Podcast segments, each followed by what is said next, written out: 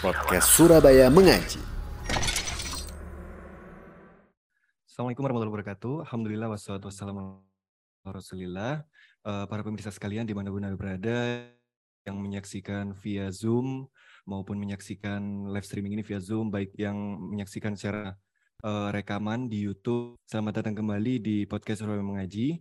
Saat ini kita untuk tajuk podcast kali ini yaitu Parent Life yaitu obrolan uh, tentang parenting, mengangkat tema solusi ikhtiar menjemput rizki halal dan berkah. Yang mana uh, podcast ini diselenggarakan oleh uh, Parenting Muslim Surabaya Mengaji dan juga didukung oleh konsultasi Muslim, uh, konsultasi muamalah. Dan untuk tema kali ini bersama Ustaz Aris Munandar. Assalamualaikum Ustaz. Assalamualaikum warahmatullahi wabarakatuh. Sehat Ustaz ya? Alhamdulillah sehat. Gimana kabarnya? Alhamdulillah sehat Ustaz. Masya Allah. Uh, sebagaimana tema yang kita angkat Ustaz, uh, yaitu solusi ikhtiar menjemput rizki halal dan berkah ini merupakan semua ikhtiar yang dilakukan oleh muslim terutama kaum lelaki Ustaz.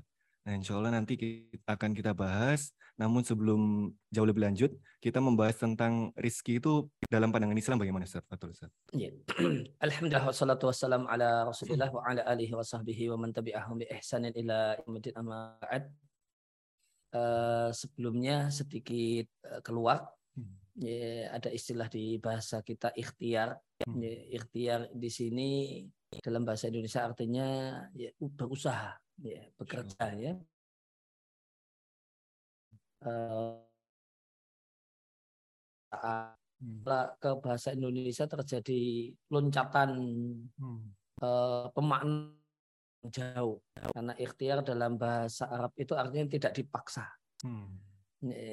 Tiba-tiba masuk dalam bahasa Indonesia uh, jadinya kerja ye, cari duit hmm, hmm. berusaha bisnis dan seterusnya hmm. yaitu tentang uh, asal usul kata ikhtiar, ikhtiar. Ya. kemudian rizki itu juga dari bahasa Arab masuk ke dalam bahasa Indonesia ya, rizki artinya ya dan pemberian karunia dalam hal ini karunia Allah Subhanahu wa taala uh, karunia Allah Subhanahu wa taala kepada hambanya.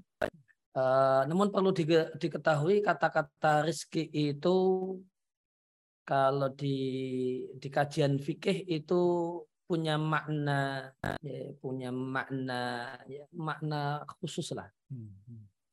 Ini rizki itu mirip-mirip gaji, hmm. tapi gaji dari dana umat. Hmm, ya, jadi gaji itu ada ujroh, upah karena jualan jasa.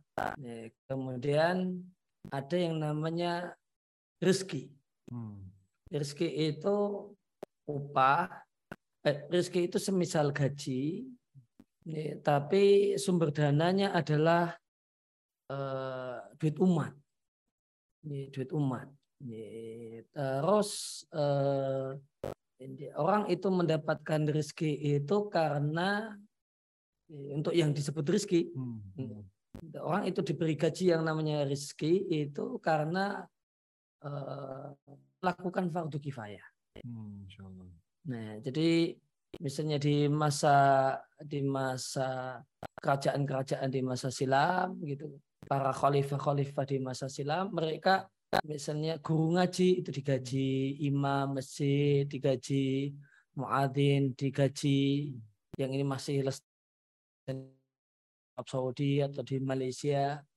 Ya, dan mereka bukan pegawai dalam artian ya mereka cuma cuma ngajar ngaji di di masjidnya di kampungnya namun eh, dapat gaji rutin dari pemerintah nah itu Rizki. Rizki ya. Namanya rizki. Hmm, hmm. Jadi sumber dananya itu khusus dari kas kaum hmm. uh, dari kas ya dana umat. Hmm. Kemudian uh, apa ya, yang dilakukan hmm. rizki itu timbal balik kompensasi dari uh, ini sesuatu yang merupakan kewajiban umat. Hmm. Hmm. Dia sudah tackle. Oh, masya Allah. Dia sudah nekel hmm kewajiban fardu kifayah hmm. umat, ya, dialah yang nekel, maka dapat kompensasi karena sudah mewakili umat untuk menggugurkan uh, fardu kifayah. Nah, diberi namanya Rizki. rizki. Itu makna spesifik untuk rizki. Hmm. Namun kalau untuk yang Kalau pekerjaan itu ujroh ya Ustaz ya? kalau kalau pekerjaan karena jual jasa Hmm. oh, ujroh kalau Hmm. di istilah fikih. Hmm. Itu makna khas untuk rizki. Hmm. Dan tadi ada makna luasnya. Maksudnya adalah eh, karunia Allah Subhanahu wa taala pada seorang hamba sehingga hidayah itu adalah rizki. Hmm. Eh, Sehingga maknanya luas sekali. Hidayah eh, bisa artinya karena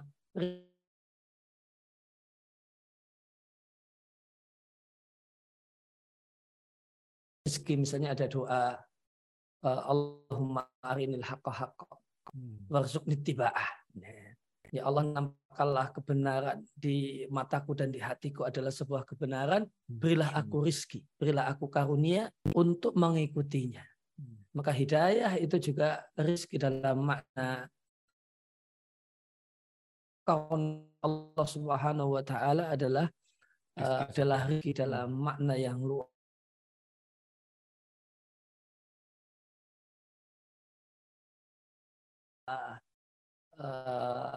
Ya, masalah kemudian pekerjaan dan rezeki identik dengan apa eh, harta.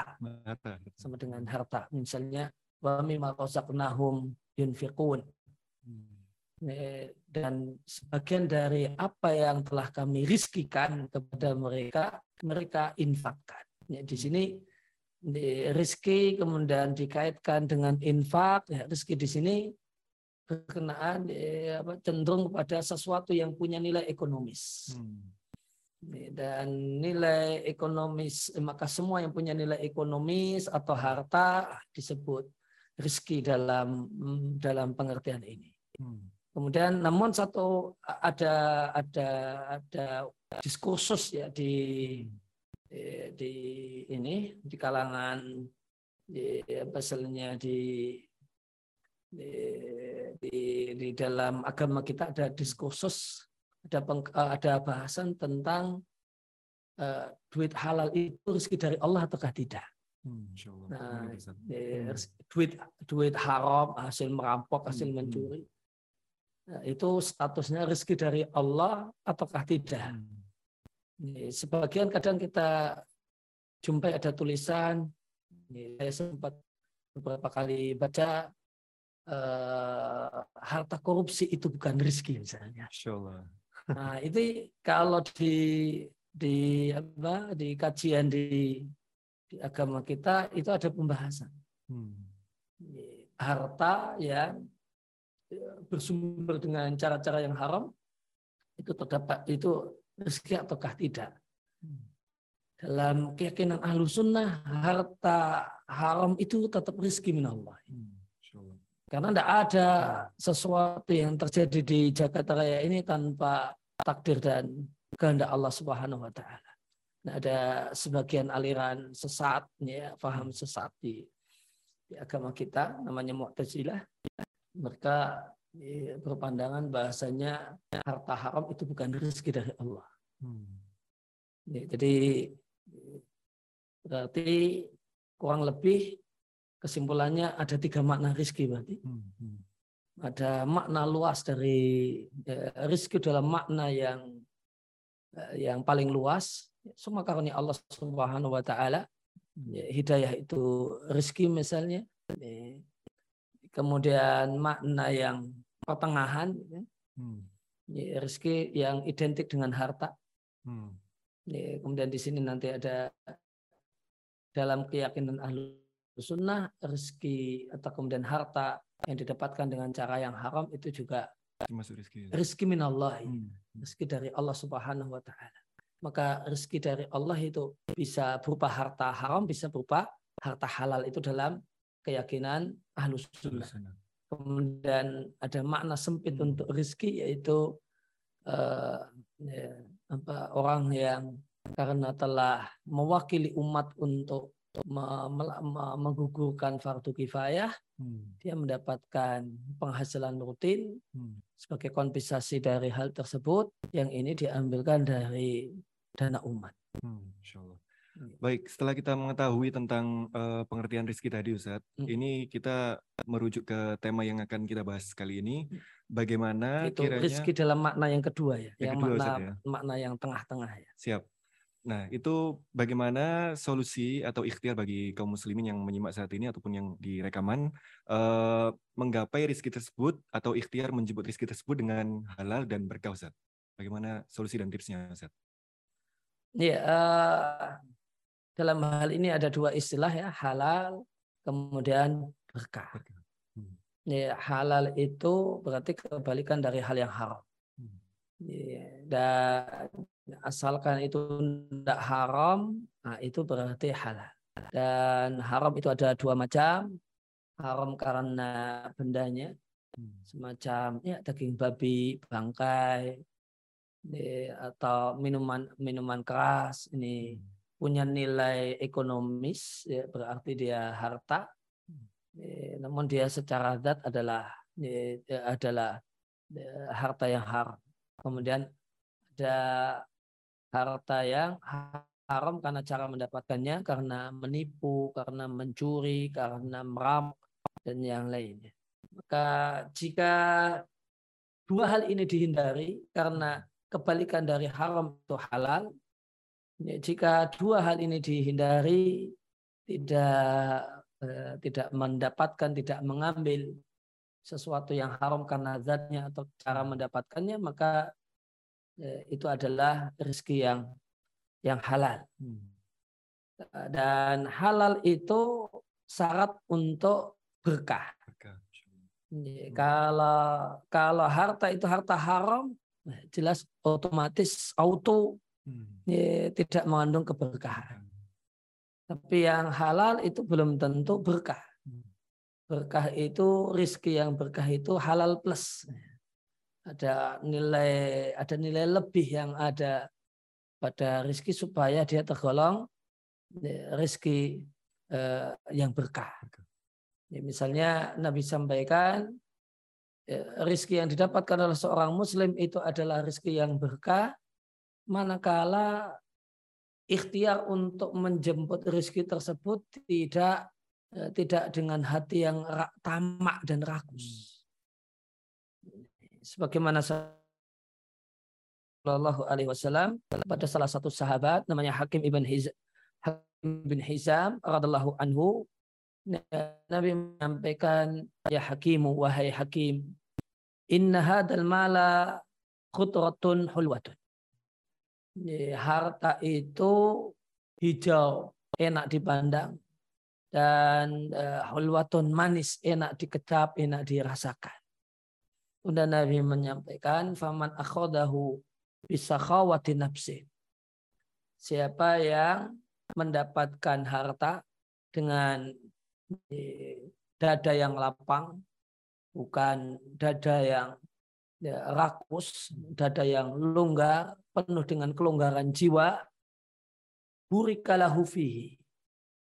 Maka harta yang dia dapatkan adalah harta yang berkah. Sebaliknya, Waman akhodahu bi israfi nafsi.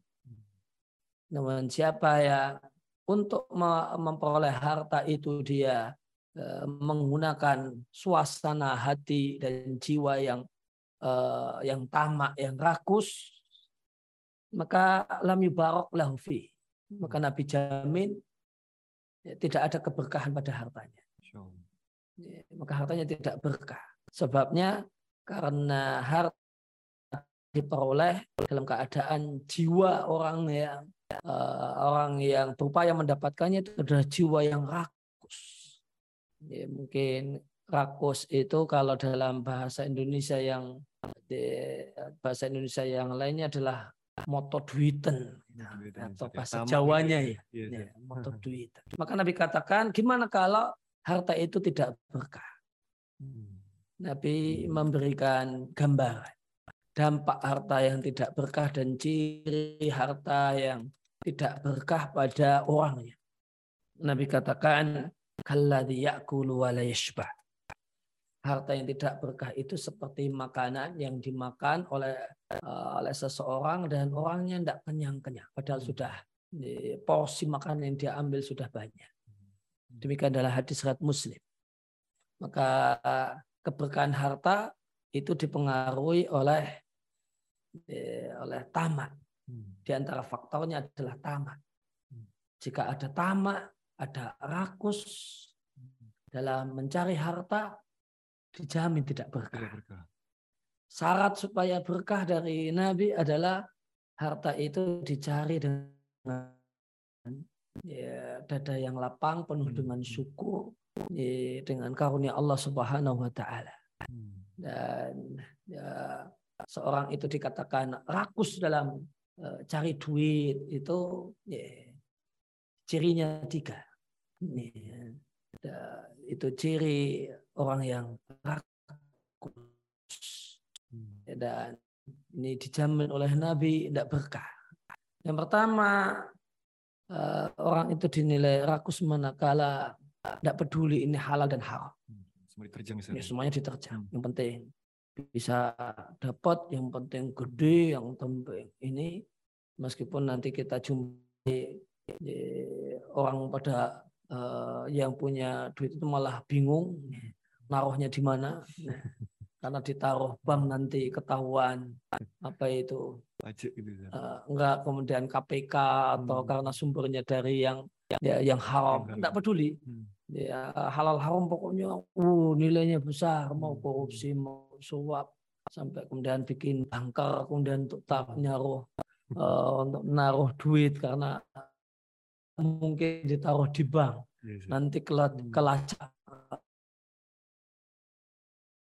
tidak demikian. Kemudian yang kedua eh, indikator tamak atau rakus itu mengejar harta yang halal dengan eh, dengan melanggar kewajiban agama. Hmm. Yang penting dapat duit halal, kerja itu adalah ibadah dan ya, melanggar kewajiban beribadah nah, misalnya ya, ada orang yang ya, ya, mungkin misalnya gambarannya warung makan pas maghrib itu malah orangnya rame-ramenya ya, malah rame-ramenya akhirnya karena khawatir kehilangan pelanggan kehilangan untung konsumen dilayani sampai sholat maghribnya lewat hmm. Nah ini ya jualannya jualan yang halal. Mungkin makanan atau apa gitu. Tapi sampai kewajiban agama terlantar. Nah ini ya tergolong rakus juga. Rakus. Kalau orang yang ada orang yang tidak rakus ya keselamatan agama akan diupayakan terlebih dahulu. Kalau ini misal waktu maghrib sudah mepet, hmm. ah, masuk. Mau silakan menunggu ya nunggu, kalau enggak ya saya sholat dulu. Gitu. Iya. iya.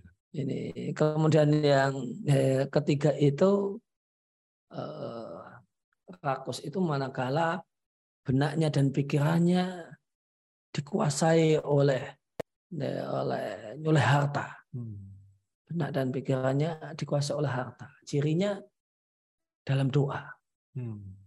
Kalau doa itu minta nih, harta rezeki yang berlimpah dan urusan lancar, utang cepat lunas itu bisa bisa menghayati, bisa hmm. sambil nangis gitu. Tapi kalau uh, ya, doa minta selamat dari neraka itu tidak pakai nangis, tidak hmm. pakai tidak pakai kemudian penghayatan, namun hmm. pikirannya ke mana, ke mana, ke mana. Tapi kalau minta duit, minta rezeki, bisa, menghayati, bisa menghayati gitu, bisa nah. khusyuk sekali. Hmm. Itu juga orang yang rakus sih. Rakus. Meskipun ya, ternyata, hmm. meskipun pikirannya isinya duit-duit, ternyata nggak dapat duit yang banyak, cuma recehan saja. Jadi rakus dalam harta itu tidak identik dengan kaya. Hmm. Ya, bisa saja rakus tapi ya nggak kaya kaya gitu. Iya. Jadi mencakup tiga tadi ya Ustaz ya, yang menyebabkan tidak berkah ya Ustaz ya. Iya, itu Eh, di antara Di sebab antara yang sebab tidak berkah. eh, tidak Baik. berkahnya. Ah, ah. sebelum berlanjut ke obrolan berikutnya, kami ingatkan kepada para pemirsa yang menyaksikan secara live streaming, barangkali ada yang bisa ditanyakan dari tema yang kita diskusikan atau uh, kajian yang sedang dilangsungkan ini, bisa langsung ditulis di kolom uh, chat Zoom. Soalnya nanti akan kami bacakan di akhir sesi satu hingga dua pertanyaan. Baik, untuk pembahasan berikutnya, Ustaz, terkait uh, mungkin ada di masyarakat itu slogan rizki itu tidak akan tertukar antara satu mukmin dengan mukmin yang lainnya. Nah, ini apakah benar, Ustaz? Ya benar, Hmm. karena eh, semuanya sudah tercatat dalam keyakinan seorang Muslim yang meyakini eh, takdir, semuanya sudah tercatat. Hmm. Di antaranya catatan takdir ketika eh, seorang itu posisinya bayi, Hmm. setelah 120 hari maka dicatatkan padanya, Hmm. Di antaranya adalah bikat birski, Hmm. dicatat untuknya rezekinya. Hmm. Dia nanti rezekinya apa, apa saja yang dia makan, apa saja yang dia pakai, berapa yang dia habiskan. Semuanya sudah Allah catat dan ini apa yang sudah Allah takdirkan tidak mungkin tertukar. Takdirnya si A ya tetap si A. Nggak mungkin takdirnya A berpindah Hmm. terjadi pada B, yang B malah berpindah kepada A. Tidak mungkin. Baik, siap, siap. Eh, syukran, jazakallah khairan.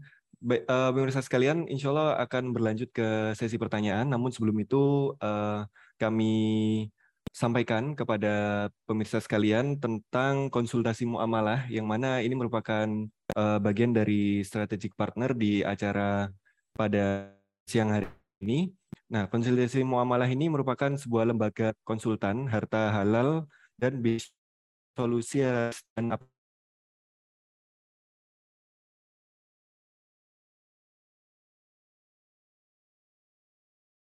dari Al-Quran dan hadis yang sahih. Dan ini jadi konsultasi dan Allah Ta'ala berfirman, Wahai orang-orang yang beriman, makanlah dari rizki yang baik yang kami berikan kepadamu. Surat Al-Baqarah ayat 172.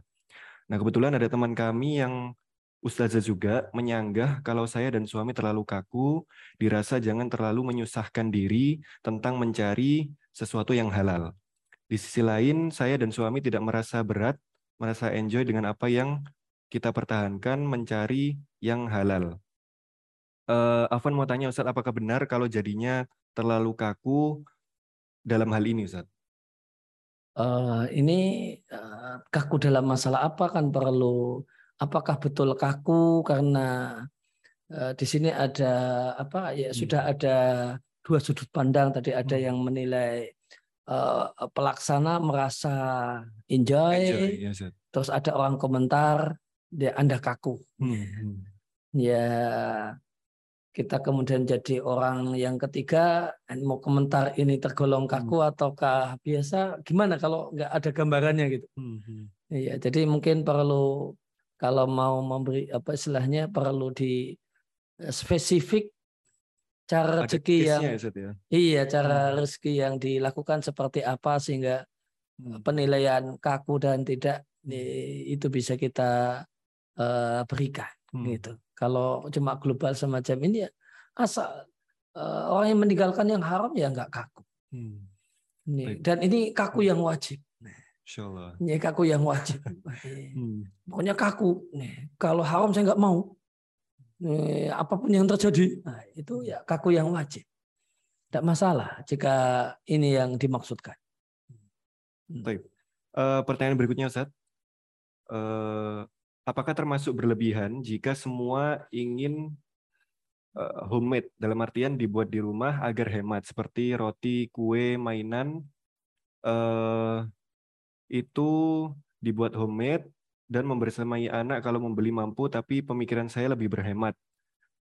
Mohon pencerahannya mengingat saya punya anak-anak kecil yang butuh perhatian lebih tapi di sisi lain ingin berhemat agar bisa menabung buat beli buku anak dan kebutuhan lainnya. Ya dalam hal ini ada ya, ada ya, ditinjauan secara internal dan ada tinjauan eksternal. Ya, Kalau tinjauan internal artinya pilihan pribadi itu ya orang boleh-boleh saja punya kecenderungan tertentu. Misalnya orang yang me, apa, membuat aturan untuk dirinya sendiri, pokoknya saya nggak mau uh, makan di restoran. Ya makan yang dan apa makan pokoknya dimasak sendiri semua gitu tanpa tanpa ada pada mbak kayak pada diri orang ini keyakinan oh kalau makan ke restoran itu subhat untuk hmm. orang lain yeah. hmm. untuk orang lain tanpa dia ya dia cuma hobi kesukaan hmm. punya prinsip pokoknya olahan sendiri sajalah hmm. tanpa memberikan ya, ya pak eh, kacamata negatif sudut pandang negatif terhadap orang yang suka jajan misalnya Hmm. dianggap boros atau ini enggak eh, enggak hati-hati dalam masalah hal yang haram misalnya ya tidak masalah karena ini berkenaan dengan masalah pilihan pribadi hmm. dengan pasal yang lain ya boleh saja orang itu membuat uh, pagar untuk rumahnya tanpa menuduh tetangganya itu maling ya. hmm. Tanpa menuduh tetangganya hmm. saya cuma pengen magar rumah kok gitu ya. Hmm. Ya, nah, ya no problem gitu hmm. misalnya karena istrinya pintar jahit ya untuk baju pokoknya jahitan sendiri hmm, hmm. nggak pernah bikin apa beli di di mall di hmm. toko itu jadi uh, asumsi apa istilahnya jadi konsumsi pribadi internal tidak masalah hmm. Masalah tapi kemudian yang kedua sisi eksternal nah, nah ini yang yang ini kalau kemudian ada sisi eksternal nanti yang tidak seperti itu dianggap kurang hati-hati dianggap hmm. dekat-dekat dengan yang haram atau hal yang lainnya yang tidak benar yang intinya adalah suudzon ah tidak boleh. Tidak boleh, siap. Ya, Zat. Uh, pertanyaan terakhir, Zat. Izin bertanya, jika berdagang tanpa mengenal waktu bisa dibilang sampai ngoyo, tetapi ketika waktunya sholat, ya sholat. Apakah ini termasuk tamak atau berlebihan, Ustaz? Hmm, enggak, enggak. Kalau kalau istilahnya cuma porsi waktu yang diberikan itu banyak, namun kewajiban agama tidak terlantar, tidak tergolong, tidak tamak tergolong ya. tamak ya. Ya, namun ya sedang kemudian punya uh, target apa sehingga hmm. ya, ini tabungan harus sekian gitu. Mungkin karena ada target-target pribadi yang ingin diwujudkan, tidak masalah khairan atas ya, yang disampaikan. Baik, sekalian demikian uh, kegiatan kita pada siang hari Karena Live Talk Solusi menjemput dan berkah kan oleh kita Ustadz Dr. dan kami ucapkan jazakumullah khairan kepada para tim yang bertugas, kemudian para partner dan partner kita, Allah dan juga Indonesia Bertauhid yang kepada acara kita pada sore. Kami ucap juga uh, jazakumullah khairan kepada Surabaya Magic Store. Acara kita juga pada siang. Kita tutup dengan doa kafar. Subhanakallahumma wa bihamdika asyhadu an la ilaha illa anta astaghfiruka warahmatullahi wabarakatuh.